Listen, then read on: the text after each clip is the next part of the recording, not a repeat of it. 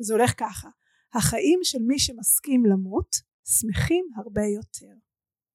וזה ככה שם יש לשבת עם זה רגע כן? החיים של מי שמסכים למות שמחים הרבה יותר. והיא ככה המשיכה ואמרה ואני מתכוונת לא פעם יום אחד אחרי שאני אספיק ככה וככה. אני מסכימה למות עכשיו ברגע הזה וזה ככה מאוד מהדהד את מה שדוד שלך אה, דוד של חמוטל אה, אמר כן? ההסכמה הזאת למות היא משחררת במובן העמוק כן? מהסיפורים מהפקק מהילד שלא ישן מהשפעת כן? ואפילו גם ברמה של הסרטן כי יש את ה-moment by moment experience כן? את ה... מההכרה הזאת להוקרה.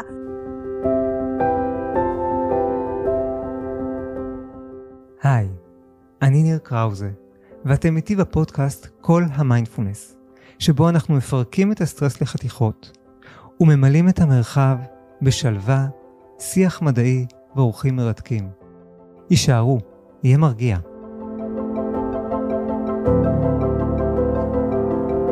שלום לכולם, אני שמח uh, לארח היום פה בפודקאסט את אביגיל גרץ, יוצרת, סופרת, מחזאית, קולנוענית ומורה למיינדפולנס ומדיטציה. אביגיל לא יודעת את זה, אבל אני למעשה מכיר אותה הרבה מלפני שהיא מכירה אותי. אה, אני זוכר את עצמי בשנות האלפיים קורא אה, דברים שכתבת ב-Energy New Age ובעיתונות אה, ונהנה מאוד מהם ומתרשם. ושנים אחר כך בקורס המורים למיינדפולנס ב-2014 בעצם נפגשנו והכרנו נכון. ומדי פעם נפגשנו בכל מיני מסגרות. אז קודם כל תודה רבה שבאת והתארחת, ואת מתארחת פה בפודקאסט אביגיל. תודה לך, ניר, זה כיף, אה, כיף תמיד גם לפגוש אותך, וגם הדרך הזאת שעשינו, זה ככה long time. כן, דרך ארוכת שנים, כן. אה, שולחים יחד. אה, אז אולי נתחיל לשתף שממש לפני כשבועיים ראיתי את הסרט שלך, הבודה מבן יהודה. סרט מקסים, מרגש, נוגע, שבעצם מלווה אה, בחורה צעירה שנכנסת לריטריט המדיטציה הראשון שלה, mm-hmm. סדנה של מדיטציה של אה, כמה ימים, ופוגשת מצד אחד את ה, כל הקשיים שאנשים פוגשים כשהם מתחילים לתרגל מדיטציה, וביימת את זה בעיניי בצורה, אני אגיד, מופלאה, אמרתי לך גם אחרי הסרט. כן. כאילו, בריטריט מדיטציה, אחד מהדברים שנדרשים זה כמובן להיות בשתיקה.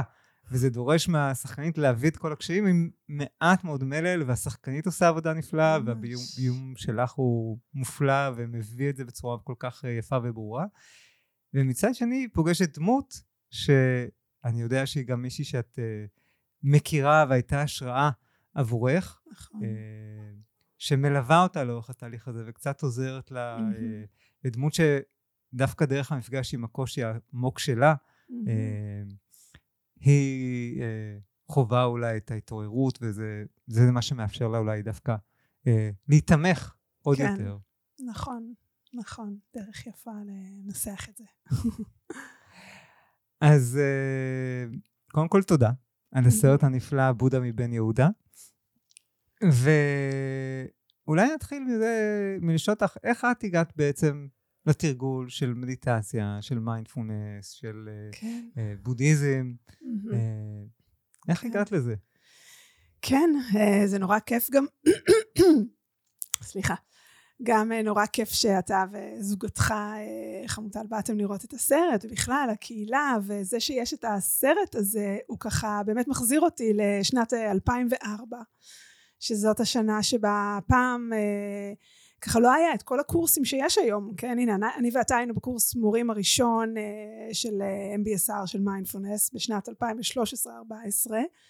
ובשנת 2004 לא היו את הקורסים האלה העירוניים שאפשר ללכת אליהם. היית חייב או לנסוע למזרח או להיזרק בשבוע לפחות של או בעמותת תובנה או בגואנקה לריטריט לסדנת מדיטציה כזאת והיה לי חבר מאוד טוב שבאמת חזר מהודו הייתי אז בת 27 כזה שהוא הרבה שנים אמר לי תלכי לסדנת מדיטציה תלכי לסדנת ואני כזה מה פתאום אני אה, ואיכשהו כנראה למה, מה מתוך... פתאום אני? מה פתאום אני? אתה תכף תראה כמה שלא... יהיה לך קשה להשתיק אותי. וכולם חששו שהייתי תל אביבית, רווקה, צינית, הייתי אז... אה, סיימתי כבר תואר ראשון בקולנוע, והייתי בתואר שני בספרות, הכי תל אביבית, בילויים, ברים, אה, דברנית גדולה. וכאילו, מה אני אלך לשתוק שבוע? כאילו, אין מצב. ואיכשהו תנאים ונסיבות וכנראה קושי שלא יכולתי אפילו להגיד למה אני זוכרת שאז זה גם הבדל מאוד גדול הייתי אז בטיפול פסיכולוגי ואמרתי לפסיכולוגית שאני הולכת והיא ממש אמרה לי אני לא חושבת שזה רעיון טוב אפרופו היום וואו. מגיעים אליי תלמידים לסדנאות כי הפסיכולוג שלח אותם לחפש מיינדפלנס כאילו אבל אז 2004 זה היה לזה ממש שם של כאילו לא, לא ידוע כזה. אמ, ואפילו שם רע באיזשהו מקום אה, כקיצון. ואז אלה הסיבות וזה גם היה בערב זה היה בסוכות וממש זה היה אומר להפסיד את החג הייתי אני גם באה מבית דתי שאולי נדבר על זה ככה עוד. אז היה כאילו לא להיות בחג בבית וללכת זה ממש הזכיר את הריבים שלי מהילדות כאילו של ללכת לטיול פסח של הצופים כאילו ולא להיות בחג אז בגיל 27 פתאום אה, להתווכח עם ההורים 28 אולי אמ, זהו והלכתי לסדנה הזאת והייתי ממש היה מאוד מאוד קשה ואני מאוד זוכרת גם את החוויה הזו אז אני שמחה שזה ככה עובר בסרט. כן, אני תיארתי לעצמי כן. שראיתי את זה, תיארתי לעצמי שהרבה ממה שאת מתארת שם זה בעצם החוויות שלך. כן, כן. גם אולי ממה שראית כן. מתלמידים, אבל גם מחוויות נכון, שלך. נכון, ממש, לא להבין ולא ל... ואני גם הייתי בכזאת גישה של למה לא שמים שמות פמפטקים ושיכירו על הדשא, והייתי גם רווקה, אז כאילו בואו נמנף את הסיטואציה לאנשהו. וכולם עם השאלים וה... כן, והתחושה הזאתי. אה, כן אבל איכשהו אחרי שהשבוע הזה נגמר אה, ולמרות הקושי הפיזי אה, באמת של המדיטציה משהו ב, בלימוד של הדרך הזאת שמובילה לחופש קנה אותי וחיכיתי לעוד אחד וככה התחילה הדרך הזאת בעצם. מדהים מדהים כן. זה, זה כל פעם מפתיע מחדש כמעט ראיתי חוויה מאתגרת כן אני זוכר את עצמי ב... לא הריטריט הראשון, והריטריט אה, הראשון של ויפסנה של גורנקה, עשרה ימים, ואז יש שלב שכל יום אמרתי, טוב, אולי היום אני אלך הביתה. והחזקתי, והחזקתי, ובסוף באמת הייתה איזו חוויה של אושר מאוד מאוד גדול, כן. ו... Uh, וזה אפילו אני אגיד אחרי שזה לא הפעם ראשונה שאני עושה מדיטציה, כבר כן. עשיתי איזה ריטריט פעם בהודו לפני. ועשיתי, ומגיל 13 בעצם מהמפגש כן. שלי עם מדיטציה, אז הכרתי את הכלי, ועדיין האינטנסיביות של ריטריט היא כן. חוויה אחרת. כן, המפגש הזה עם עצמך, וכאילו ה... שאין את כל הדברים הרגילים שאנחנו רגילים להיאחז בהם בשביל להסיח אותנו ולהוציא אותנו משם, אז זה הלם. כאילו ממש אני זוכרת דברים מאוד uh, חזק של כאילו מי זה פה? מי, מי גר פה במוח הזה ושופט את הכל ומדרג וכמובן בעיקר המון שיפוט עצמי, לא יכולתי אז לקרוא לזה, אבל... Uh, זה ככה היה ממש אה, בהחלט mind blowing. והדרך הזאת, אני מבין, תפסה אותך כל כך שככה הלכת והעמקת? כן, ממש. הלכתי והעמקתי, זה היה בסוכות, הייתי ברצית הראשון. לא ידעתי, ואז גם, שוב, זה גם כן שינוי של הזמנים. אז תובנה שכרה מקום, והיה רק בחגים וכולי. היום יש כל השנה, אפשר ללכת לריטריטים, זה ממש מדהים ו- וכיף שהעולם הזה כל כך פתוח ונגיש. ואני רגע אה, אגיד רק למי שלא מכיר, עמותת תבונה, אחת אה, מהעמותות שמארגנות אה, ריטריטים נכון. בארץ, מומלצת בחום, אני הייתי באין ספור ריטריטים, כבר הפסקתי לספור. נכון. ואני גם ממליץ בחום כן. על ריטריטים של תובנה. נכון, וגם מה שטוב בסרט, אמרו לי ככה, גם בהקרנה הזו שאתה היית בה, שאנשים ש... כל מיני הורים של ילדים שממשיכים ללכת כל פעם, כי אתה אומר, למה אז ללכת לעוד סדנה? גם עכשיו יש, לא יודעת אם ככה... יש את הדר לוי, קומיקאית, היא עושה מין אה, כזה אמ, סטנדאפ כן. כזה על המצחיק, למה אם אה, יש סדנה אז כאילו למה צריך ללכת לעוד אחת, כאילו זה גם התובנה הזאת שמגיעה לך שאם אתה, אם זה מעניין אותך ואתה פוגש את זה בפעם הראשונה, זה לא כמו איזשהו אה, לא יודעת מה ניתוח אף וגמרנו, אתה צריך לתחזק את זה, אז ככה כן. זה הסרט נותן הצצה לאיך נראה ואז זה כזה מאוד כל מיני הורים של אנשים אה, שרואים פתאום מה, מה עושים בסדנת מדיטציה אז רק בשביל זה אני גם כן שמחה שיש אה, לזה נראות מסוימת כן, האמת כן. שכן. ועבורי, כמי שהיה היום תובנה מאווירת הריטריטים, בעיקר בעין דור, Mhm. ועבורי כמי שעין דור זה, זה סוג של בית כן, אה, לכל כך הרבה חוויות משמעותיות, ו- וצילמתם את הסרט, כן, ואמרת, קראת לזה ריטריט אה, צילומים. נכון. ריטריט אה, סרט. ככה השחקנים חוו את זה, כן. ולי כצופה, זה, זה היה מחמם את הלב לראות ככה כן. את אנדור כן. דרך עין המצלמה. כן, איזה כיף. נכון. אז אה, זהו, אז כן, זה נהיה את הד... אז, אז הלכתי בסוכות, ואז חיכיתי שיהיה עוד פעם לפסח, ואז uh, באתי שוב בפסח, ואז זה התחיל ממש להיות כזה פסח סוכות, פסח סוכות, ואז הבנתי שיש גם בחנוכה, ו- ולאט לאט זה הלך ונפתח, ובאמת, uh, כן, ואז ב-2010 נראה לי כבר התחלתי להיות מנחה בתוך uh, תובנה, אחרי שש שנים. אבל זה ככה בהחלט, uh, אני אומרת גם כשאני מלמדת שהדרך הזו, מה שנקרא הדרמה, מה שהבודה לימד, ככה הציל לי את החיים באיזשהו אופן, אפילו לא ידעתי שהם צריכים הצלה. הציל לי את החיים וגם ממשיך להציל אותם אה, יום יום. אז מה זה אומר בעצם הציל לי את החיים? אה, אה, מה... שאלה טובה, תמיד אני מפחדת? שמישהו שאל אותי את זה. מפחדת או אולי גם רוצה, כמובן. אמ, אני חושבת שזה בעין ההסתכלות. זה בהסתכלות ובהבנה, כלומר בעיניים, באמת ההבנה של הסיפורים, אמ, הסיפורים שסיפרתי על עצמי, של עד באמת אותו רגע שבו הלכתי לסדנת מדיטציה, על מי אני, על ההורים שלי, על הסיפורים שאני סוחבת. אה, גדלתי בתור בת של רב קונסרבטיבי, שזה זרם בין פלורליסטי אה, רפורמי לאורתודוקסי, של דרך אמצע כזו, שלא נוסעים בשבת, ולא מדליקים אורות, והרבה, והולכים כמובן לבית כנסת, ואבא שלי הוא הרב ביישוב קטן חילוני. וההורים שלי עשו החלטה לא לשלוח אותנו לבית ספר דתי שצריך לנסוע לבאר שבע, אלא להישאר ביישוב בחינוך חילוני ושיהיה בסדר, כן, מבחינת החינוך והבית יתמוך.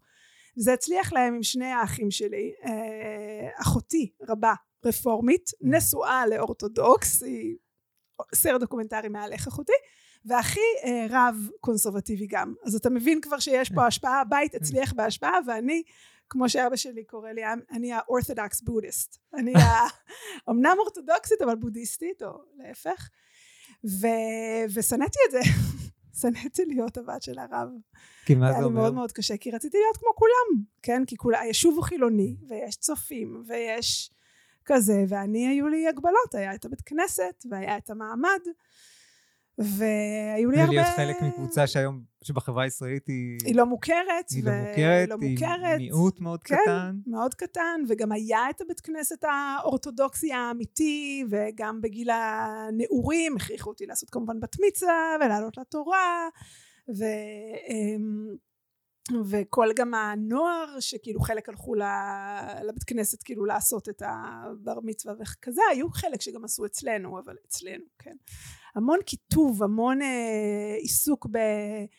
ככה עכשיו שפתאום אני אומרת את זה אני, יש בי הרבה חמלה כלפי עצמי של כשפגשתי את השיפוט כן. הזה שהזכרתי בריטריט הראשון אז כאילו לא פלא כל הזמן לנסות להתמקם כן בין אנחנו להם ולמצוא את המקום כל הזמן וזה הכל תלוי בחוץ ובאמת בסדנת מדיטציה אתה פוגש זה, זה אני פה, רק אני פה. אני יכולה אם אני רוצה להרגיש בבית, כן? אין פה או-או, אין פה איזה דלת.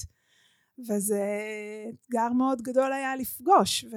ופתאום אני כבר לא הבת של הרב. נכון, אלא- ואני לא הבת של הרב.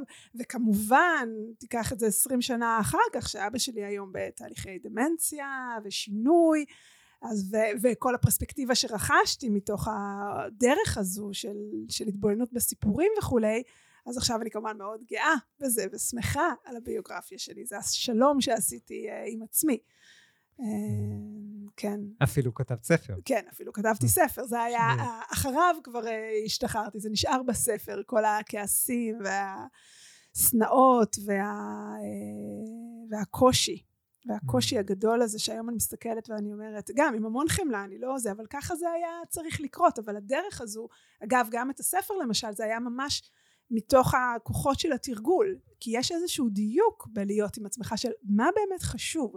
אתה ככה יכול לעשות סדר בתוך כל הסיפורים שמנהלים אותך, של להחליט, אני, אני יכולה להמשיך לדבוק בסיפור הזה, אבל אני יכולה גם לשמוט אותו, וזאת מתנה שאין כמותה, שמצילת חיים. ממש. שפתאום יש חופש להיות כן. ביחסים, חופש לחיות את החיים שלי. כן, כן, כן, ממש, ו- ולבחור, ושאני לא מחויבת לכלום, כן, לא לתואר, לא ל...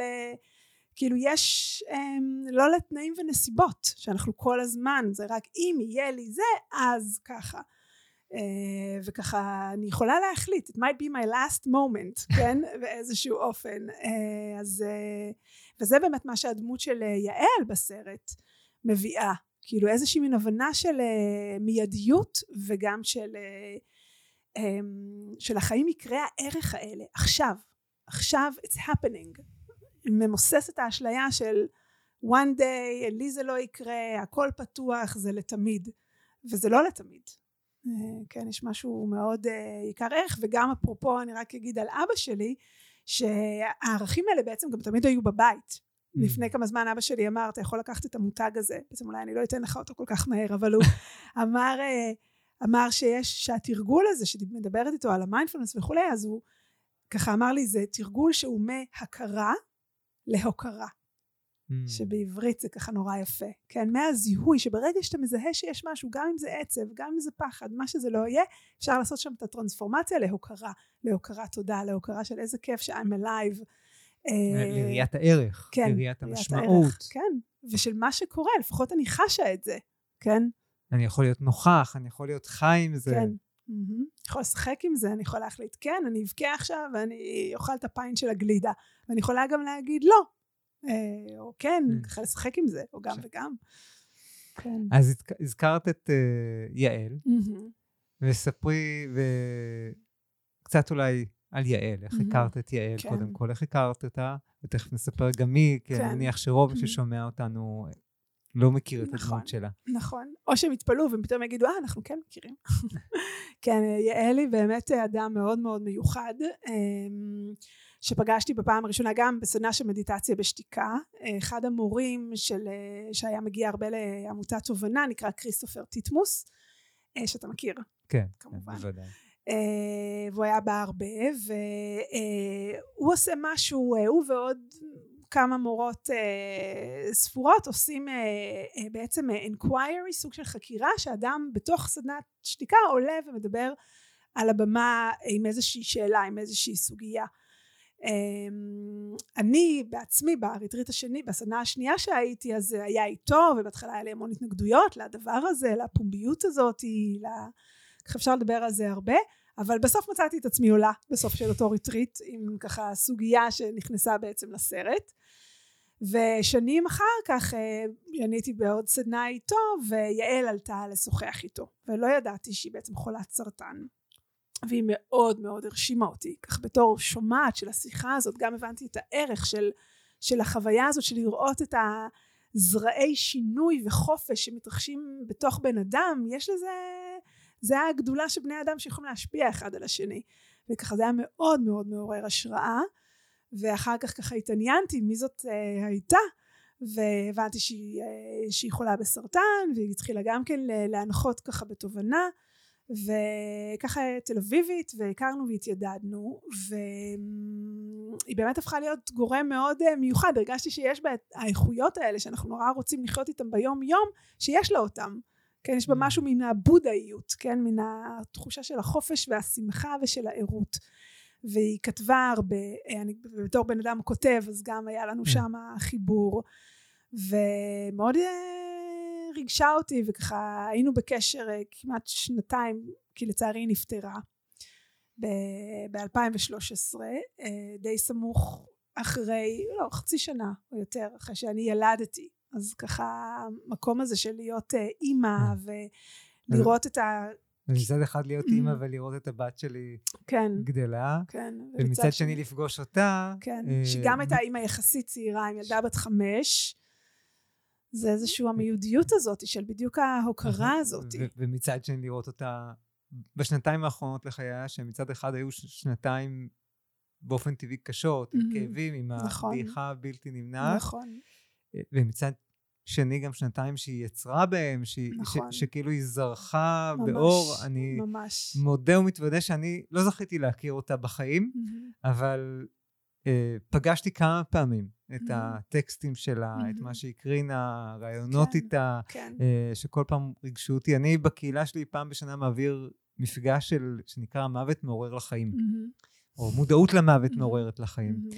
אה, והיא אחת מהדמויות השראה שאני כן, מביא במפגש כן, הזה. כן. אה, כי לפעמים הנושא הזה של מוות הוא, Mm, אנחנו לא רוצים להתעסק ממנו, אנחנו נכון. מפחדים מהמוות. נכון. המוות, הרבה פעמים אנחנו מרגישים שהוא כבד לנו, שהוא כן. מכבה אותנו, כן. אוקיי? ו, ויש גישה, גם בדרך שבודה לימד, אה, אה, שיש לו ציטוט מסוף ימיו, אה, בדיוק הסתכלתי היום Mhm. במצגת שלי שם, המפגש הזה, אה, אה, כמו שמכל החיות טביעת הרגל של הפיל היא הגדולה ביותר. אז ככה הרהור במוות הוא הנאצל ביותר. כאילו, ממש. רגע, להרהר כן. במוות זה הדבר הטוב. ואני אגיד שאדם שלי הייתה הזכות.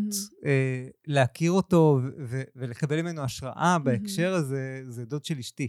אה, עופר גולן, מהמם. שהוא אה, לפני 13 שנים, קצת לפני שהבן שלי אה, נולד, הוא, חלה בסרטן אה, בראש. אה, הוא היה בן 60, רגע לפני זה הוא חגג יום הולדת 60, שהוא היה בן אדם בריא, קיבוצניק, המסר. של היום הולדת 60 שלו היה, ניפגש בעוד 60 שנה ביום הולדת 120. חגגו. בדיונה ב, במדבר, אדם של טבע. זה היה המסר, וממש כמה חודשים אחרי זה התגלה לו גידול במוח. אה, אה, שהוא עשה המון מאמצים לרפא אותו, אבל תוך כדי הוא גם למד להשלים עם המוות, ו- ותרגל לא מעט מדיטציה, והבאתי פה טקסט קטן שהוא, שהוא. כתב. מתנת הסרטן שלי היא היכולת להכיר במוות. הכרה זו אפשרה לי חיים. אני חי כאילו כל יום יומי האחרון, ועל כן ימיי מאושרים ונאצלים. מהמם, ממש. כן, זה ממש משהו שאני ככה צוחקים עליי, כאילו בחבר'ה וזה, אני queen of death, ומה שמצחיק זה שזה היה לי ממש מגיל אה, צעיר, כשהייתי בת 20, חברה שלי אה, מתה מסרטן, הייתי בת 20, וזה היה מאוד אה, טראומטי מן הסתם, וקושי, וזה ליווה אותי ככה אה, הרבה שנים ב, ב, בכל מה שתיארת בקטגוריה הראשונית של הפחד והחשש והעול והנורא והבלתי אפשרי. ו, ואגב זה היה ממש ב, בשנה ש, שרבי נרצח. ככה זה ככה היה מין איזושהי מין זה כאילו כמו הדהד את זה כאילו באמת איזושהי הבנה ש... שזה- העולם מטלטל. כן, העולם מטלטל, וככה הייתי בת עשרים, כאמור, זה כזה... ו, ו, וזה ליווה אותי המון, אבל גם נמשכתי לזה באיזשהו אופן. אני הייתי זאת שמכינה תמיד טקסטים ומקריאה בהלוויה, וככה מאוד... אה, אני, בהכנה לשיחה. הסתכלתי קצת, אז אני מבין שג- שגם מזה עשית סרט. כן, גם מזה עשיתי סרט. באמת, אה, טוב, אולי אה, נעשה פרומו קטן, זה אבל זה יישאר לתמיד, סך הכל. זה מה שכיף בקולנוע, אגב, שהוא נשאר לתמיד. אז נכון, עשיתי סרט על החוויה הזאת, שהייתה לי ככה מאוד משמעותית. אז גם למדתי קולנוע בתואר הראשון שלי, בשנות ה-20, אז זה עוד היה סמוך.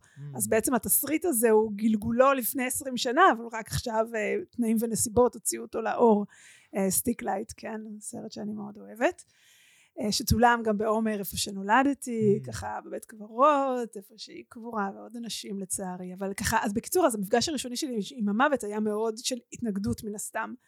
וכשפגשתי את, ה, את הדרך הבודהיסטית בעצם, ועל אחת כמה וכמה יעל, שהייתה ההדגמה הזאת, כמו המילים האלה שאתה קורא, איזושהי הבנה שזה הולך לקרות לכולנו.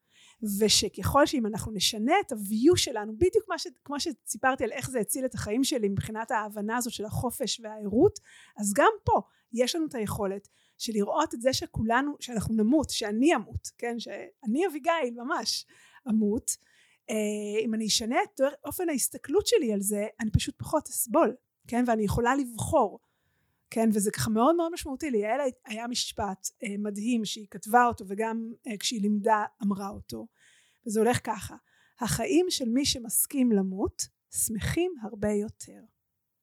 וזה ככה, שם יש לשבת עם זה רגע, כן, החיים של מי שמסכים למות שמחים הרבה יותר. והיא ככה המשיכה ו... אמרה, ואני מתכוונת לא פעם, יום אחד, אחרי שאני אספיק, ככה וככה, אני מסכימה למות עכשיו, ברגע הזה.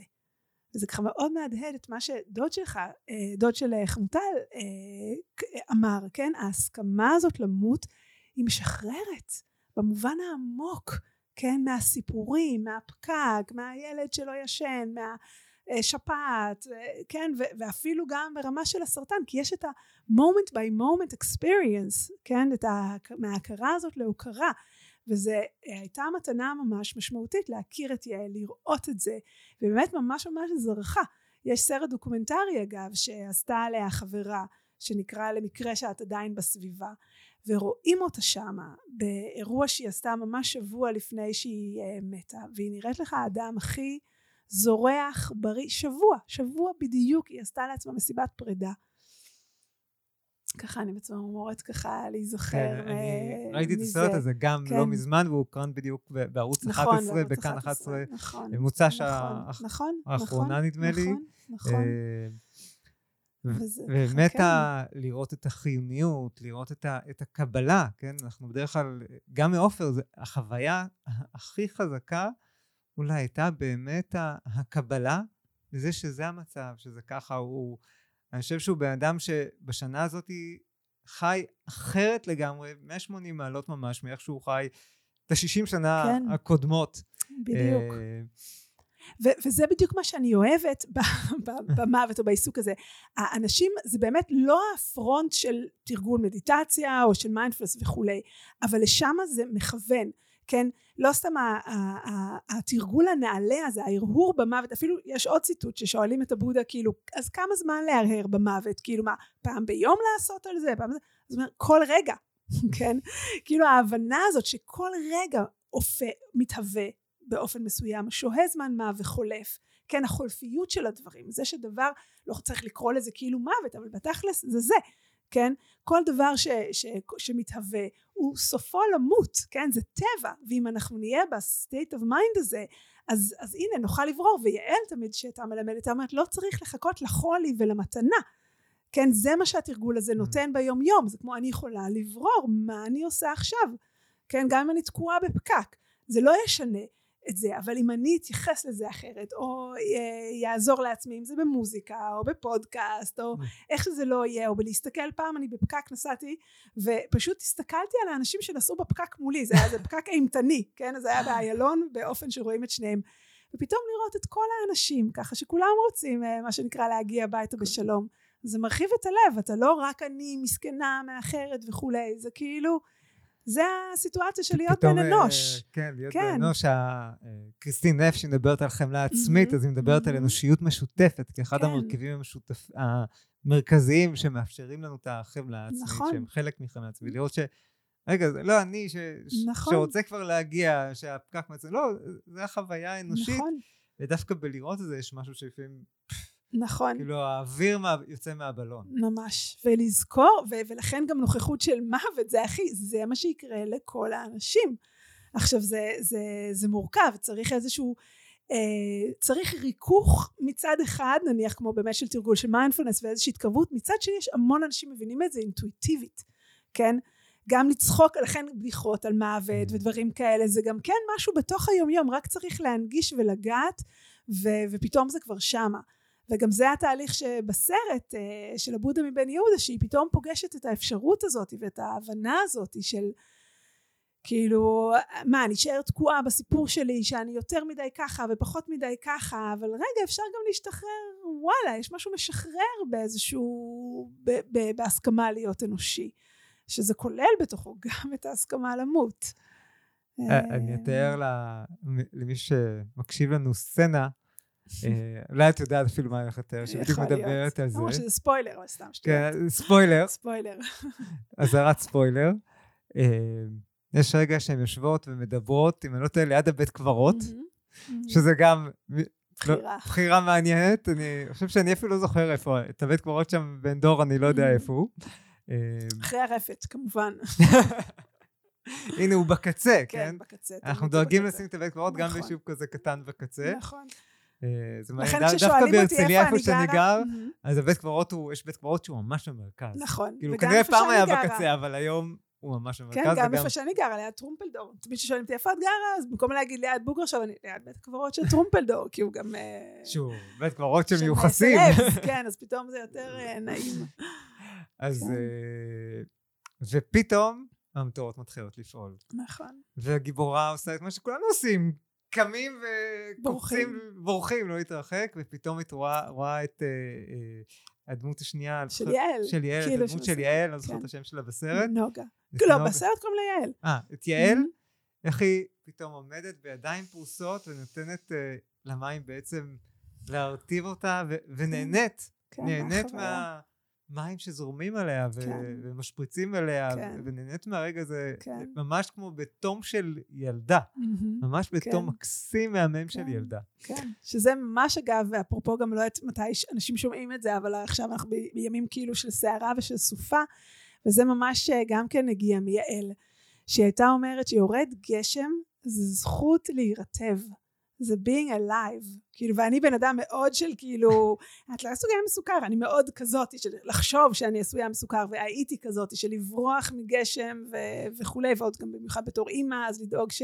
אז גם הבת שלי מאוד הפוכה היא רוצה את הגשם וגם בגלל הטיצ'ינג הזה בגלל הלימוד הזה של יעל שזאת זכות להירטב בגשם זה גם ממש שינה לי את, ה, את הנרטיב ואת ההתייחסות ואתמול רכבתי באופניים גם בגשם תוך שאני נזכרת ב, באמירה הזאת כן של כן, כן. ואני אגיד את זה שזה אפילו גם נורא פיזי זאת אומרת כשאני חושב את זה אני גם מצד אחד לא, לא אחד שכזה אוהב בטח, חשבתי שאתה דווקא נראה לי בן אדם של טבע. אני בן אדם של טבע, אבל ללכת, אבל בן אדם גם של חום. Mm. אה, אה, כאילו, אה, בקלות קר לי. כן. אבל אני כן זוכר לפני, לא יודע, חודש, חודשיים, יצאתי לריצה בשבת בבוקר עם אה, חבר, ו... אה, והתחיל גשם. והחיות, תחושת החיות שיש כשרצנו מהריצה הזאת בגשם, תחושת, ה... ממש תחושת חיות פיזית. כן. העצמה של תחושת החיות, של הערנות, של הנוכחות. היא, היא מאוד משמעותית, זאת אומרת, כן. זה משהו שהוא גם ממש, אפשר, לח... כשמסכימים לפגוש אותו, הוא הופך להיות מאוד חוויה פיזית. כן, זה מדהים, זה מזכיר לי את מה שככה דיברנו מקודם, הזכרנו לפני השידור, את הציטוט הזה של ניסה רגת, האדם שלימד את האי שניות, כן? שהראש יוצר תהום, תמיד, המחשבות שלנו והסיפורים שלנו ואת ה"אני לא אוהב גשם" נניח, או אני ככה וככה וככה, וכל הסיפורים האלה והנרטיבים, כן, הראש תמיד יוצר תהום, והלב, הגוף, הנוכחות, ההכרה והמפגש חוצים את התהום הזאתי. וזה ככה כל כך משמעותי, ברגע שיש את המפגש אז מתגלה משהו אחר וזה רק דרך ההסכמה והמפגש, הנה בדיוק כמו שאתה מתאר, וזה, וזה ממש אה, מקסים שיש לצערנו וגם לשמחתנו, יש הרבה הזדמנויות בחיים האלה, רק צריך לזכור כמובן, ופה נכנס ה... נושא של המיינדפולנס, של לזכור בכלל, שאפשר אחרת, שאנחנו לא חיים פה בראש, אלא בלב ובגוף. להתחיל לשים לב. כן. להתחיל לשים לב נכון. לכל המחשבות ששמות מחסומים ביני לבין החיים, נכון. ביני לבין מה אני יכול ומה אני נכון. לא יכול, ומי אני כן ומי אני נכון, לא. נכון, נכון. אה... ואל מול מוות יש לנו מאוד סיפור. כן, המילה הזאת היא מוות, והיא לא נעימה, וברור שכולנו לא רוצים את זה מלכתחילה. כן זה איזשהו איום כמו שאמרנו לשים את הבית קברות מבחוץ ומרחוק אבל בעצם מה שההזמנה הזאת של, המיינדפולנס של הדרמה של מה שעבודה לימד זה להתחיל לראות את זה יותר כטבע. כן זה יותר כטבע שיקרה גם לנו וגם לקרובים שלנו ולשנות את מערכת היחסים מהבחינה הסיפורית שיש לנו בראש כן? זה גם לא כזה זה בכלל אנחנו זה מאוד חיים זה לעומת מוות כן? Mm. אבל חיים זה מוות זה, זה, זה, זה חלק מחיים כן? זה, זה חבילה שבאה ביחד. מספרים על אג'ן צ'אן נזיר תאילנדי שהוא ככה היה אומר סיבת המוות היא תמיד לידה. Mm. שזה ככה ממש mind blowing כן? כי תמיד אנחנו ממה הוא מת? קודם כל הוא מת כי הוא נולד וזה מין לא משהו שאנחנו רוצים אה, לשאת אותו בתודעה כי כאילו אוי לא ועין רעה וכולי אבל זה, זה משהו שמגיע ממקום פתוח כן? כן באמת שאותו השמשה אמר אה, אני לא יודעת איזה היה, הוא דמיינו רגע עולם שבו לא מתים. כאילו דמיינו שכל האנשים שאתם חיים איתם, כל האנשים שאתם רבים איתם, שאתם ממשיכים לריב איתם עד אינסוף. סיוט, אה? כן. כאילו, הוא אומר, רגע, דמיינו רגע את נכון. העולם שאף אחד לא מת אף פעם. כן. כן. אה, אה, האם זה באמת אה, עולם שהיינו רוצים לחיות בו, או שבעצם נכון. אנחנו יכולים לקלוט שאולי בעצם לא? כן. ו... ועוד תובנה שזה גם מביא גם אפילו השאלה הזאת, שזה בעיקר לא בשליטתנו. שזה עוד דבר שאנחנו מאוד לא אוהבים, כן? והמוות גם זה איום כי זה לא בשליטתנו, זה יקרה לנו מתישהו, אנחנו לא יודעים מתי, אנחנו יראים כל הזמן שזה יהיה טרם זמנו, או אנשים גם uh, יראים שאוי אבל אני לא רוצה לסבול, כן, בדרך למוות ומי יודע וכולי, זה, זה באמת מעורר המון אי ודאות. ולכן עדיף אז כבר טוב לשים את זה בצד לשים את זה בנפרד לחיות באשליה שלי זה לא יקרה אפילו שברור לנו שזה יקרה וככה מערכת היחסים היא מאוד שזה סיפור כזה שאתה לא רוצה אותו וההזמנה היא אה, אבל, אבל זה כן יקרה כן וככה איך אני, איך אני מתקרב לסיפור הזה שמייצר רק קושי וככה מכניס אותו לתוך החיים הוא חלק ממש מהחיים. ואת יודעת את מדברת על זה ואני חושב שאחד הקשיים הגדולים של אנשים אולי זה לא רק ה... שאני אמות mm-hmm. אלא המוות של הקרובים שלנו. כן, כן. זאת אומרת אחד כן. הכאבים הגדולים שלנו זה כשההורים נפטרים, נכון, כש... נכון. או במקרים יותר קשים, שאנשים סביבי. נכון, ומטראומות, ומפתאום... ושם הרבה פעמים הקושי הוא אפילו יותר גדול, אני חושב. נכון, נכון. זה בא ביחד, אבל זה עדיין תמיד גם מקרין על, על האני שלנו, שאנחנו לא רוצים למות, כי מי אני אהיה, חלילה, הנה. אם אני אאבד את הוריי או את קרוביי וכולי, אבל... ואז שוב חוזר למפגש של בכלל לפגוש קושי, כן? עצב ופחד וכעס ופגיעות. אנושית. כן. וחשוב פה להגיד שההכרה, המודעות למוות שמעוררת לחיים, או ההבנה שמוות הוא חשוב לחיים, אה, היא לא באה להגיד, טוב, כשמישהו, לא יודע, קרוב אליי ימות, אז אני... אני, אני רק כן, אשמח. כן, אני אהיה ביונד. אני אהיה מעבר כן. לזה, אלא היא כן דווקא מכירה, ההפך, אולי אפילו יותר מסכימה לפגוש את זה שבחיים יש עצב, ושאירוע כזה כן. מעורר את העצב. נכון. אה, ויש כאב של... של האובדן, כן, ויש ברור. געגוע שיכול נכון, להיות. נכון. אה, ובכל זאת, לקבל. כן, כי הח... זה יקרה anyway, זה יקרה בין כה וכה. אז, אז למה להתנגד? זה, זה הרי יקרה, זה הקטע. כאילו זה יגיע בין כה וכה, בין אם כן תקבל את המוות או לא תקבל את המוות, אז כאילו השאלה היא איך אתה פוגש את זה, וזה ההצלה הזאתי. איך אתה פוגש את השיט שקורה לך, כן? אז ככה, זו ההזמנה. אז אולי אני אשאל אותך שאלה קשה, mm-hmm. אז איך את פגשת את המוות של יעל? אה, קשה, כן, קשה, ועוד, ועוד אה, מוות ש, שיש. אה, קודם כל ספציפית אה, במוות של יעל אני ממש זוכרת שהרגשתי שהבודה שהכרתי מתה. ככה זה מה שהתנסח לי ישר.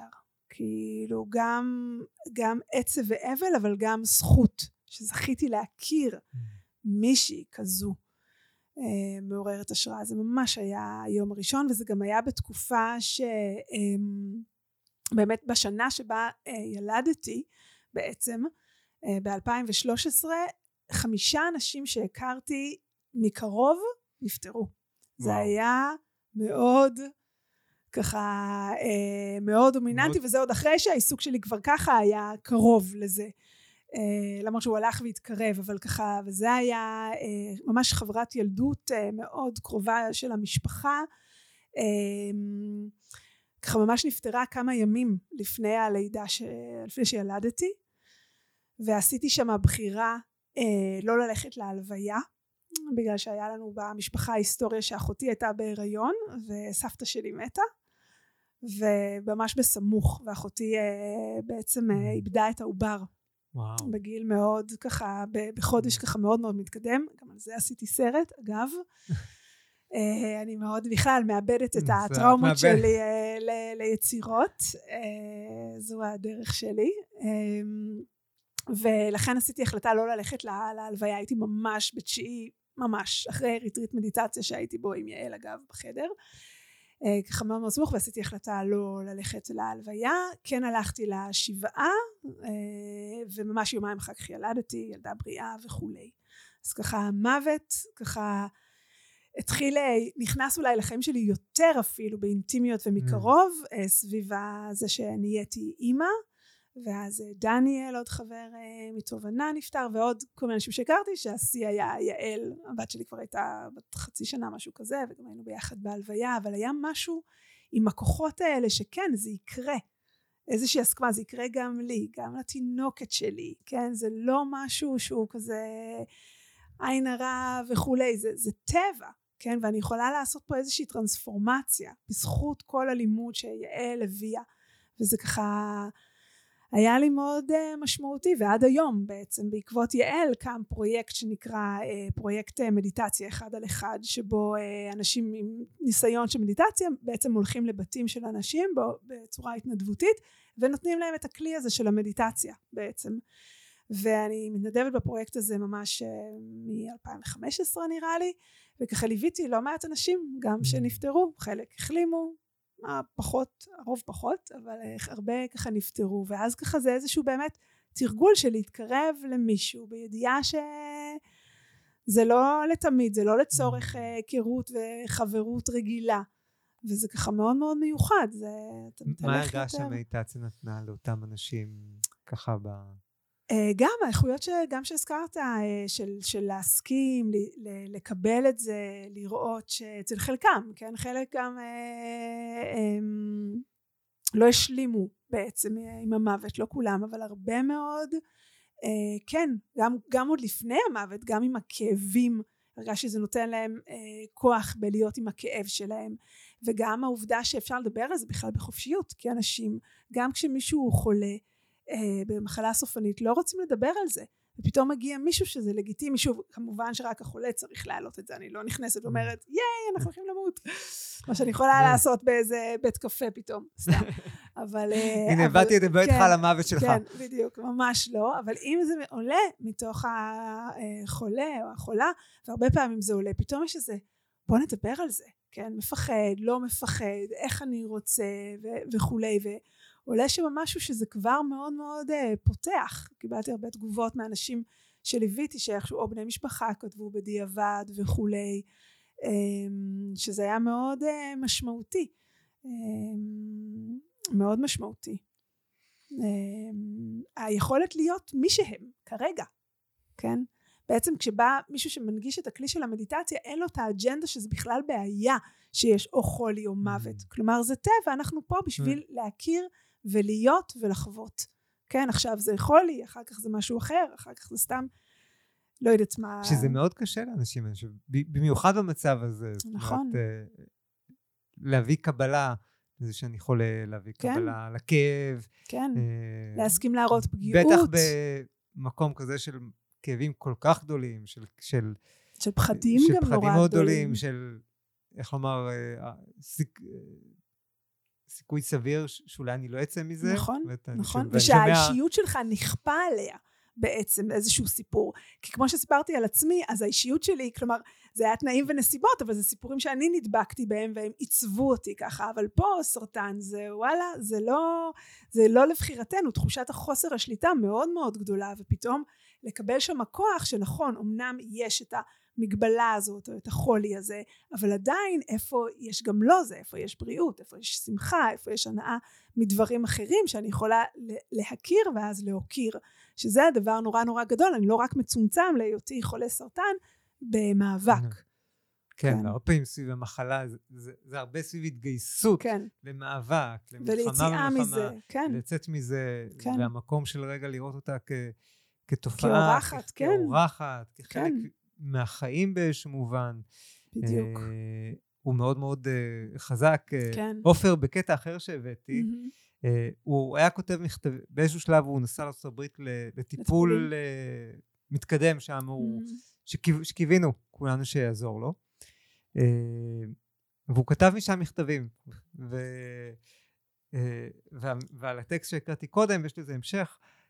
אנשים כתבו לו, טוב, אנחנו כמו שמחים שאתה מצליח uh, להיפתח ככה ושמשהו טוב קורה לך, mm-hmm. אבל למה להגיד על הסרטן שהוא מתנה? Mm-hmm. אז, uh, אז הוא כתב להם ככה, לא ניתן להתייחס לסרטן שלי כאל מתנת חיי ולומר לי שקורים לי דברים מדהימים, רק חבל שהייתי זקוק לסרטן לשם כך. Mm-hmm. חברים, מתנה היא מתנה היא מתנה. על מתנה לא מצטערים, לא בוכים, אלא רק אומרים תודה. ובוודאי לא למתנה שהעירה אותי מתרדמת ארוכה ומובילה אותי בדרכה לשיאים של חיי. Mm, וואו, וואו. כן. למרות שאני אישית, אה, ככה באופן אישי אני לא אוהבת את הש... כאילו שוב, אני, אם אני אחלה אז אני אראה אם זאת מתנה או לא, אבל אני לא אוהבת, כלומר, אני, אני שמחה מאוד בשבילו, ואני, ו, ויש, ויש אנשים שפגשתי שאמרו את זה ככה. יעל ספציפית לא התייחסה לזה, כלומר, גם העיסוק בהאם זה מתנה או זה לא מתנה, זה, זה לא משנה, זה מה, ש, זה מה שישנו. זה מה שישנו. כן, זה מה שישנו, ואיך אני אפגוש את זה, אבל בהחלט... אה, כאילו, כן, יש מתנות לא רצויות, אבל עדיין הם שם, כן, אז ככה, אז אבל, אבל, אבל באמת, מה שמשמעותי זה, ה- זה, ה- זה שהיכולת הזאת היא לבחור, להיות חופשי מסיפורים, כמו שאתה אומר, כל השישים שנה, באמת יעל הייתה אומרת, הדרך הזו של המיינדפולנס יכולה, לא צריך לחכות ללהיות חולים, כן, חבל.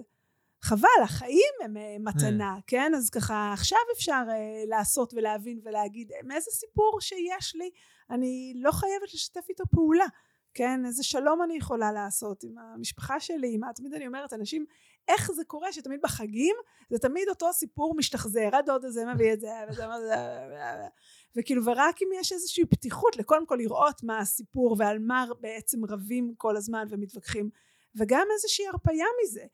אמ, באמת המקום הזה שאתה מדבר, ועכשיו, אחד הדברים שעופר עשה ושהם השראה, אה, הוא גדל בקיבוץ, Mhm. ובאיזשהו שלב, הם עז- לפני שהוא חלה, כמה שנים לפני זה, הם עזבו את הקיבוץ. Mhm. ובתור, הוא היה, לא סתם שהוא גדל בקיבוץ, הוא היה הבן הראשון, וואו. הילד הראשון של וואו. הקיבוץ. זה מסע, כמו איזה כן, לגדול עם דגל. כן, כן.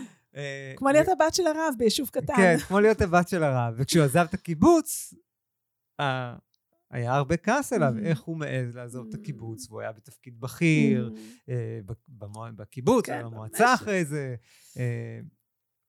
והוא, בעקבות המחלה שלו באיזשהו שלב, בעצם אסף את כל חברי הקיבוץ שרצו לבוא לאיזה מעגל של Mm. אה, סליחה ופרידה. וואו. זאת אומרת, הוא לא ידע שהוא, הוא לא ידע אם הוא יצליח, אם הוא יחיה או כן. לא יחיה, אבל Mhm. אמר, אני רוצה רגע לסגור, אני יודע שאנחנו יופי. נושאים כעס שלכם כלפיי, ואני Mhm. מבין אותו, מהמם. אה, ואני רוצה רגע שבואו ניפגש רגע לדבר על זה, אולי אני אקשיב לכם ואתם תקשיבו לי, Mhm. ואולי נוכל אה, להשלים, להביא סליחה כן. למקום הזה, להביא איזשהו שלום.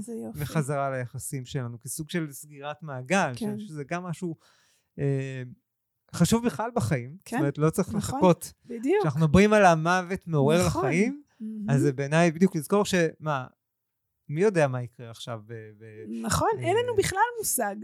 כן, אני עכשיו אסע הביתה נכון. מהשיחה שלנו, ומי יודע מה נכון, יהיה. נכון, אז אם אני מצליח לסגור את המעגלים ולא להשאיר דברים פתוחים, נכון. אה, אני חושב שזה, שזה עושה טוב לחיים, קודם נכון. כל למי שחי זה נכון, עושה טוב, נכון. וגם אם משהו יקרה, אז יהיה איזה יותר שקט נכון. שם. ממש, ממש. וזה מזכיר לי גם באמת שאני אמ- אמרתי שתמיד המוות שפגשתי בגיל 20, שככה מאוד השפיע עליי וככה עיצב אותי, אבל אני בעצם מבינה, שוב אפרופו אבא שלי, זה שאני נולדתי ב-75, ואבא שלי ב-1973 היה במלחמת יום כיפור, ולא סתם, הוא היה בתפקיד של רבנות הצבאית, ב- ביחידה שעסקה בפינוי של חללים. וואו. כן, ובמדבר סיני היו הרבה חללים. וזה, אני נולדתי שנתיים אחרי בעצם, ממש בדיוק באוקטובר. ה... נולדתי עם הדבר הזה שגם כמובן לא דובר וכולי, אבל זה מאוד גם השפיע עליו בדרכו, הוא בעצם, הוא עלה לארץ כבר עם התואר הזה של רב, הוא לא התכוון לעשות פה, כי באמת לא היה בשנות ה-70 קונסרבטיביים, אבל זה מאוד אה, אה, דחף ושינה אותו, וככה הוא בעצם שינה, ושינה את מסלול חייו, וגם עברו מירושלים לעומר, ונפתחה שם הקהילה שלתוכה אני גדלתי, הקהילה הקונסרבטיבית. עכשיו אני אומרת את זה כי גם כבר אז במלחמה, מתוך המפגש עם המוות, ככה הוא תרגל מדיטציה עם אה, חלילה, כן, אה, עם הסיפור הזה, עם היכולת הזאת להכיר את זה ולזהות, ממש, כן, דבר אחד הוא תמיד היה אומר לנו בבית, אה, סיפר לנו תמיד סיפור על שני אחים שהיו במלחמה, שהם נפרדו בריב, ואחד מהאחים מת, ו... והאח שנשאר חי תמיד אמר למה לא, למה רבנו? Mm. הוא ככה תמיד היה אומר לנו בבית, לא, אף פעם אסור להיפרד בריב, כי אתה לא יודע מה יהיה. אז כאילו מכל הדברים זה Mm. ככה גם כן, זה כן דובר ונשאר. Mm. אמ, מבלי שידענו בדיוק במה הוא עשה שם, בטח לא בגיל צעיר. אבל זה ככה איזשהו לימוד נורא יפה באמת, כן? של לא לחכות לדבר הזה, של עכשיו, במובן הזה המוות מועיל לחיים, כי, כי, כי, כי זה אופציה, כי זה כאן, זה כן, בחדר. לא לחכות לסגור כן. את הסיפורים, לא לחכות בדיוק. להשלים מחדש. לא- נכון, לא, אלא עכשיו. כי, כן. אני, כי אני לא יודע מה יהיה, כי נכון. אני לא יודע נכון. אם אני אוכל. נכון. כן. נכון. ו-doing the best we can, גם באיזשהו שחרור של, אה, של שליטה, כן? שכל הזמן נדמה לנו שאנחנו בשליטה, זה הסיפור שאנחנו מספרים לעצמנו, אבל זה רק יוצר תהום נורא נורא גדולה, ויש משהו ב... בהסכמה הזאת אה, למות, או שהשיחה הזאת תיגמר, והפודקאסט הזה ייגמר, וכל דבר, יש איזשהו מין, אה, כאילו, נכון, זה טבע. כאילו, זה קורה, ופחות כן. בשליטתנו. ועולה לי עוד שאלה ככה מתוך השיחה שלנו, אה, והיא באמת על המקום של הקולנוע. Mm. ומהתיאורים שלך זה נשמע שבאמת הקולנוע אצלך זה ממש דרך של ריפוי. זה, כן, זה, וגם המחזות, וגם הספר. כאילו היצירה, הכתיבה, היצירה, כן? כן. כתיבה, מחזה, כן. אה, קולנוע, הם עבורך כן. דרך של כאילו ריפוי, של כן. התבוננות, על, על סיטואציות. אה, ספרי כן. קצת על מה, מה עושה עבורך, מה זה עבורך להיות כל, אה, יוצרת. כן. אני חושבת שזה באמת כמו לעשות מדיטציה. זה המקום הזה המתבונן, שלא מיד אה, נסחף לחוויה, שמרגיש שאפשר לעשות עם זה משהו. כן? Mm. כאילו מין ה shit הזה קורה, זה קצת כאילו כמו לעשות קומפוסט מ shit, כאילו literally, כן? אז כאילו מין החוויה הזאת כבר קרתה לי, ואז זה כזה מין, לא יודעת, אולי אפשר לעשות מזה משהו, אולי אפשר ללמוד עם זה, כאילו להסכים לגעת ולהתקרב, כן? לתוך, ה, לתוך איפה שכואב, לתוך הפצע. ככה זה היה משהו, אני זוכרת את עצמי בתור ילדה, ככה מתוסכלת וחוזרת, וגם טורקת את הדלת, ליטרלי, של החדר שלי ככה המון, שהם mm. ישמעו. וככה, ואז שהם לא היו שומעים ולא היו באים, אז כאילו הולכת ל... שנות ה-70, כן, הולכת למחברת וככה, פשוט ככה כותבת, כותבת, כותבת. אז זה נהיה מקום אה, מרפא בשבילי. של איך אני יכולה ללוש את, ה, את השיט שלי, כן, ו, ו, ולצעוק את זה באיזשהו מקום. ואני שומע גם עניין... לפגוש, זאת אומרת, המקום מאוד כן. של רגע לפגוש את החוויה. כן, שזה נכון, ממש המיינדפולנס. נכון, נכון. לפגוש, נכון, להיות, להסכים נכון. לגעת בזה, להסכים לגעת בפצע ולהיות נכון. בתוכו, ולא להיבהל ולא... נכון, נכון. ואני חושבת שתמיד זה באמת היה לי מין השראה, לא יודעת, עולה לי כזה מין סיפורים שהייתי קוראת בתור קטנה, גם של אה, גלילה נורון פדר, כזה אל עצמי, ויש לה איזה סיפור כזאת על מישהי אה, על כיסא גלגלים, וכאילו כל מיני... המקום הזה באמת של, של הכאב, עוד זה כאב דברים, אני גדלתי סך הכל בחברה סופר פריבילגית וכולי וכולי, אבל איזשהו מקום מזדהה כזה של, של חולשה, של, של, של קושי, של הכי כאילו דאון והיכולת לצמוח, ואיכשהו משהו ביצירה מאפשרת את המקום הזה שטיפונת את הרגע מעל החוויה, או אתה יכול להסתכל עליה אחרת ולשחק איתה. משהו מאוד מאוד uh, משחקי ואפילו שבמיוחד גם הספר הזה נכתב מתוך פצע וגם המחזות הראשונים שלי והיה לי גם מחזה בפסטיבל עכו שהיה מאוד ככה טעון ומתוך פצע וכולי. אמ, ומה קורה לך אחרי? אז אני סקרן לשמוע אם באמת. יש משהו כשאת נוגעת בפצע ומאבדת אותו. ליצירה את מרגישה שזה ממש כן, ממש טרנספורמציה, כן, כי פתאום גם זה לא רק שלי, אלא זה בחוץ, ואנשים גם צוחקים וגם נהנים, ויש איזשהו, אה, זה לחלוק את זה, כן, זה, זה עונג מאוד מאוד גדול לראות אנשים שמשהו שעבר in your head, ובטח אם זה פצע שהיה, ופתאום צוחקים מזה, או בוכים מזה, ומתרגשים ומזדהים, זה מאוד מאוד, אה, לא יודעת, זה מאוד מאוד אה, כן, תומך. כן, את יודעת, מה שאת מתארת עכשיו, אני שומע גם שיש משהו ב... להפוך את זה ליצירה שמכריח אותך להסתכל על זה כאילו מעוד פרספקטיבה. כן, טוב, בעיניים אז... אחרות, נכון. כאילו, איך זה מצחיק? נכון. איך נכון, זה יהיה מרגש, נכון. איך, אי אפשר להישאר רק בעמדת הקורבן. נכון, נכון, וזה מקום שהוא חופש, שהוא מקום שהוא משחרר, ושזה, לשם כך התכנסנו אה, במיינדפולנס, כן, לשחרר אה, את עצמנו, לראות בבהירות ככה מה חוויה, מה מתרחש עכשיו ואיך אנחנו יכולים אה, באופן אה, לא שיפוטי לצעוד אל עבר השקיעה. סתם, או כאילו לחיות את החיים האלה, שהם מלאים. בהכל. כן, שיש בהם הכל, ולחיות אותם בצורה כן. מלאה, ו- וכמה שאפשר שלווה ושמחה יותר. כן, והאופן הזה של ה playfulness הוא מאוד מאוד חשוב. היצירה, כאילו זה גם עכשיו, ככל שאני מלמדת יותר, וגם בתקופה של הקורונה מאוד uh, סייע לי באופן אישי, הזן, הלימוד של הזן, שהוא מאוד מאוד פרוע. כן, של, uh, אתה יודע, אמירות כן. כמו, uh, הבשורות הרעות זה שאין מצנח, אנחנו הולכים להתרכז, להתרסק ואין, המצנחים לא עובדים. ואז, והבשורות הטובות הן שאין קרקע. כן, אז זה כאילו, אתה יודע, זה זן, זה כאילו איזה wildness כזה של, של, אה, של playfulness שיש בתוך החיים האלה, וככה, אני מאוד אוהבת את זה, וזה תומך, והיצירה היא הכוח אה, הזה בשבילי. מקסים, מקסים. כן, אז אביגיל, אנחנו לקראת סיום. אוקיי, לקראת המוות, סתם. לקראת המוות, לקראת. מותו של הפרק הזה בפודקאסט.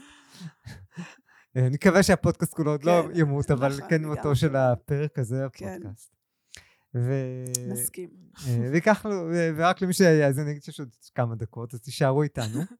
אז קודם כל, אני אוהב לשאול אה, כמה שאלות בסוף. אוקיי. אז קודם כל, מה מוציא אותך מדעתך? אמ, צריכה לברור.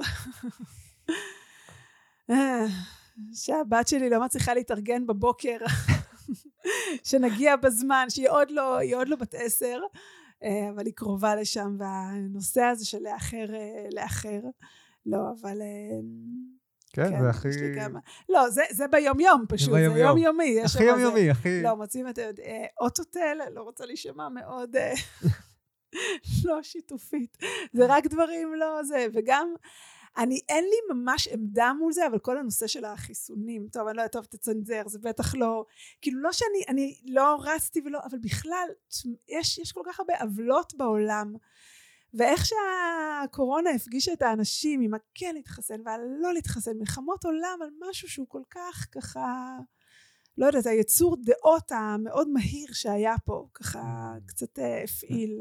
בכלל, המקום הפעיל אותי שומע של כן, הקוטביות, של ה- בדיוק כן. מתחבר לילדות שלך באיזשהו כן, מקום. נכון, כאילו, אני נכון, הייתי בקוטביות, ועכשיו נכון, כל פעם שמשהו מייצר את הקוטביות נכון, בחברה, נכון, נכון, וזה. גם משהו שאני מאוד אוהבת באמת בלימוד הזה של הדרך של המיינדפלנס, שהיא דרך אמצע. שגם לאנשים כל כך קשה עם זה, כן? אנחנו צריכים, כאילו יש איזשהו אישור, אם זה כאן, או אם זה כאן, או אם זה ככה, זה מתנה, זה לא מתנה, זה לא משנה, יש איזה דרך אמצע, וכנראה בזה אני מרגישה מאוד מאוד בבית, ב- בלימוד הזה, כן? ולכן גם, אה, כן, האמצע, אז הקוטביות הזאת, זו מוציאה אותי מדעתי. ומה הדרך של החזרה למוח של לב? Mm. אפילו בואי ניקח דווקא את היומיומי, דווקא את הבת שלך ש... כן, כן, אה, כן, היזכרות בזה שזה גם doing the best I can, ו-she's doing the best uh, she can. שנינו עושות הכי טוב שאנחנו כן, יכולות. כן, והרפאיה מהמקום הזה של, אה, של הלאחר, ולחזור אה, לגוף. רגע לנשום, לזכור שזאת הבת האהובה שלי, שאני לא רוצה שהיא תמות, חלילה, וכן, מבט בעיניים, ואנחנו תמיד נפרדות, אה, גם בהכי, אנחנו ניקח את העוד רגע של אה, לקחת עוד רגע נשיקות, להיפרד. כן, ולש- כן, תמיד, כן, תמיד, תמיד ממש, והיא טובה בזה ממש. זה לפעמים מצחיק, גם אם נניח בא לי, בגלל שעכשיו את בגיל כזה זה, ואני יודעת שאני הולכת ללמד ואני לא אראה אותה, והיא כזה כולה עסוקה, ורגע, ואז אני אומרת לה, אבא שירה, ואני הולכת ישר, תתרכך ותפנה עיניים, ותהיי ויש ממש תהיי נוכחת איתך כן, רגע, לגמרי, כאילו להגיד שלום. לגמרי, לגמרי, יודעת נוכחות בהחלט, מדהים. כן. ומה התרגול המרכזי שלך ביומיום שלך? אמ, התרגול המרכזי שלי, בזכות זה שאני מלמדת ממש כמעט כל יום, אה, אז אני גם יושבת הרבה למדיטציה, או גם בשכיבה. אני מאוד מאמינה גם בשכיבה, בהבנה שאתה כן ער, כן, אני, שאתה ערני, כלומר לא שכשאתה עייף, אבל גם אם אתה עייף. איזושהי, אה, התרגול המרכזי שלי הוא, הוא כל הזמן, אני אפילו לא מפרידה.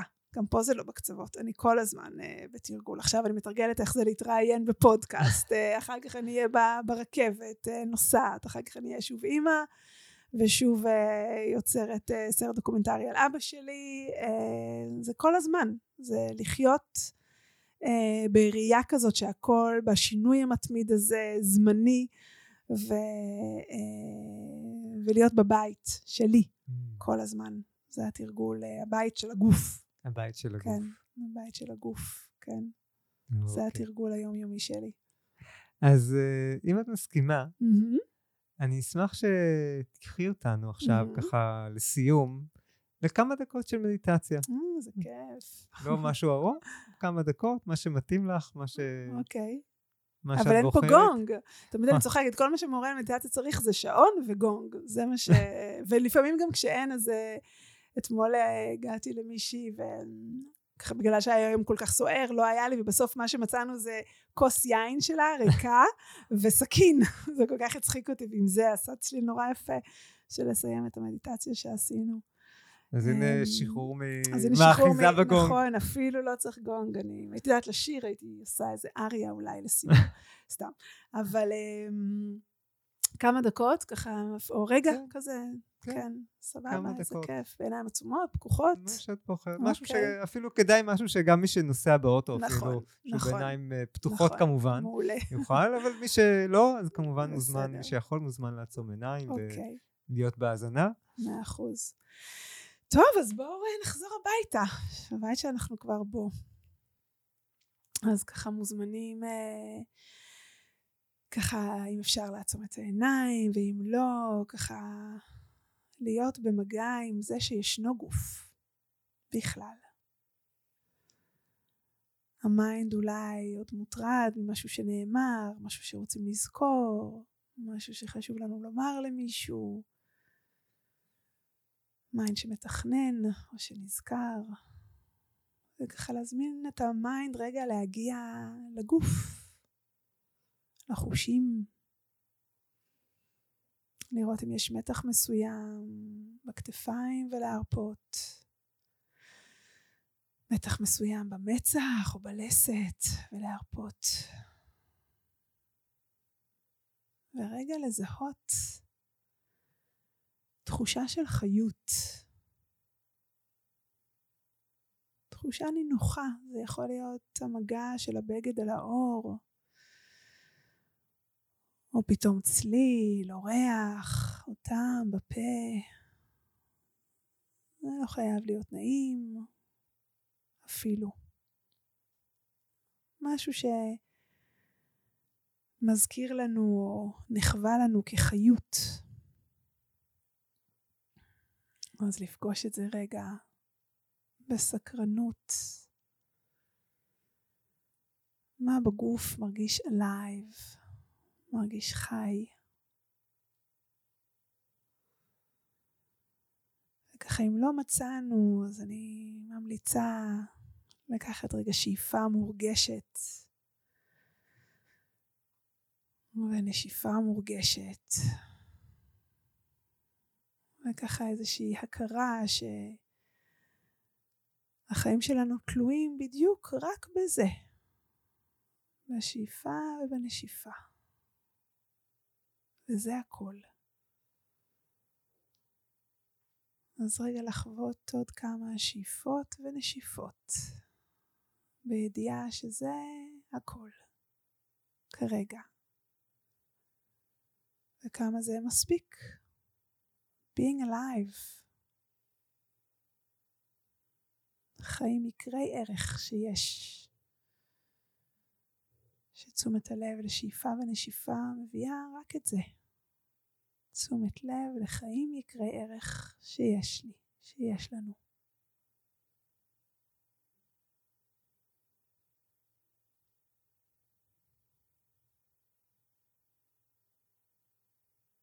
וככה אפשר לפקוח את העיניים רגע אם סגרנו אותם, או להמשיך את העמקה בראייה של הכביש, של השמיים, של הגשם, מה שזה לא יהיה. וככה לראות אם אפשר להביא נינוחות ופשטות, שמחה פשוטה של חיות.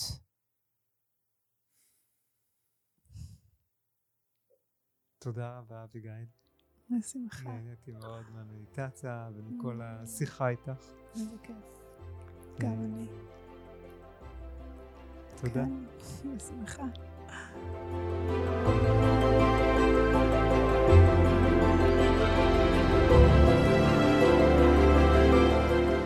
זהו, עד כאן לפרק של היום.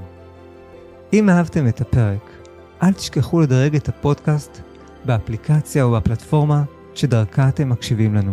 עכשיו ייצרו רגע. חישבו על חבר או חברה שלכם, שגם הוא זקוק לקצת רוגע ושלווה, להפחית את הסטרס. שילחו להם את הקישור לפרק הזה. הם יודו לכם. עד לפעם הבאה, באהבה, ניר. thank you